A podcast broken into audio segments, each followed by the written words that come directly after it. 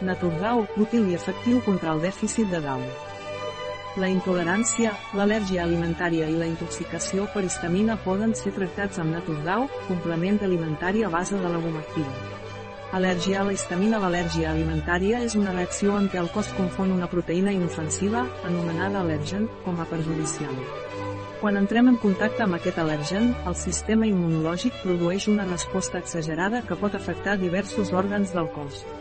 En general, l'al·lèrgia alimentària és intervinguda per la immunoglobulina E IgA i pot començar de manera molt ràpida, des d'uns pocs minuts fins a una hora després d'haver ingerit l'al·lèrgen. Això és segons la definició de l'Organització Mundial d'Al·lèrgia, WHO. Intolerància a la histamina La intolerància alimentària passa quan el nostre cos reacciona de manera anormal a certs aliments o components dels mateixos, encara que en dosis normals no causarien problemes. En la intolerància a la histamina, la quantitat d'histamina que s'acumula al cos és fonamental. A diferència de l'al·lèrgia alimentària, els símptomes de la intolerància poden trigar a aparèixer, són més prolongats i la prova de detecció d'anticossos i ja sol ser negativa. Aquest problema es produeix perquè el nostre cos no pot eliminar la histamina en la quantitat necessària, cosa que provoca una acumulació excessiva d'aquesta substància i l'aparició de símptomes quan s'uneix als receptors específics H1, H2, H3 o H4.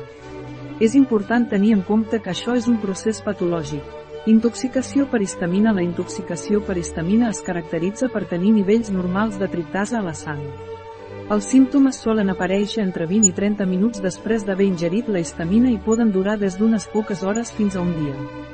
Entre els símptomes més comuns de la intoxicació per histamina es troben picor i ardor a la llengua. Envermelliment i inflor de la cara i el coll, mal de cap i marejos. Dolor abdominal, nàusees, vòmits i diarrea, en general, aquests símptomes són lleus i desapareixen poc després que comencen. Qui metabolitza la histamina? Els enzims DAO i AKNMT la DAO, diaminooxidasa, és un enzim que es troba principalment a l'intestí prim, el colon ascendent, la placenta i els ronyons. A l'intestí, la seva activitat augmenta gradualment des del duodè fins a l'ili i es localitza principalment a les vellositats intestinals. D'altra banda, la HNMT, histamina en metiltransferasa, es troba en diversos òrgans i teixits del cos, com els ronyons, el fetge, la melsa, el còlon, la pròstata, els ovaris, la medul·la espinal i les vies respiratòries. Això ha estat demostrat en estudis realitzats per el Bo, tal, 2002, Ludovac C, tal, 2018, el Sanans B, tal, 1999, i Mainz L, 2007. Degradació de la histamina a l'intestí en una persona sana, els aliments contenen histamina en una quantitat normal.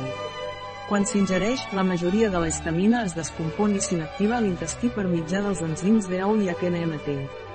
Com a resultat, només una petita quantitat d'histamina arriba al corrent sanguini i no causa cap símptoma. En una persona sana, la ingesta normal d'histamina als aliments no causa problemes ja que els enzims DAO i HNMT a l'intestí poden inactivar-la. Tot i això, quan una persona sana consumeix aliments amb un alt contingut d'histamina, com alguns tipus de peix que contenen molta histidina, poden formar-se nivells excessius d'histamina a l'aliment, especialment si no es manipula higiènicament. Tot i que la cocció, la pasteurització i la refrigeració no eliminen la histamina, la congelació i la refrigeració a temperatures inferiors a 4 poden minimitzar la seva formació. Els símptomes de la intoxicació per histamina poden aparèixer quan s'ingereix una quantitat excessiva d'histamina i l'activitat enzimàtica de DAO i HNMT no és suficient per inactivar-la, cosa que provoca que la histamina passi al corrent sanguini i causi símptomes.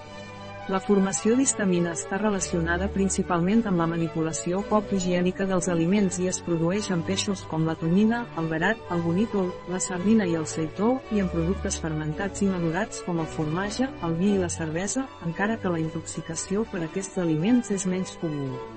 Què podem fer com a consumidors? Per evitar una intoxicació per histamina, és important prendre mesures de precaució en comprar i manipular aliments, especialment peix.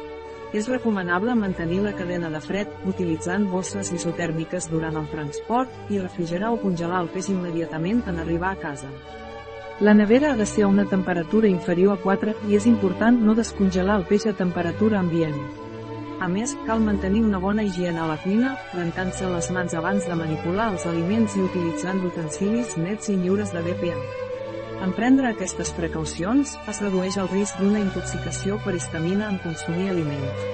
En una persona amb intolerància a la histamina, els enzims DAO i AKNMT a l'intestí no funcionen correctament i no poden inactivar la histamina ingerida.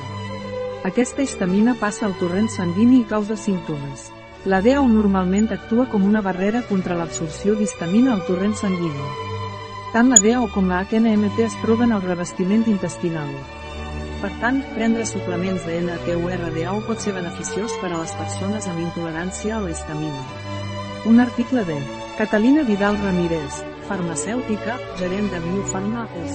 La informació presentada en aquest article no substitueix de cap manera l'assessorament d'un metge, qualsevol menció en aquest article d'un producte no representa el suport dels objectius de desenvolupament sostenible a aquest producte.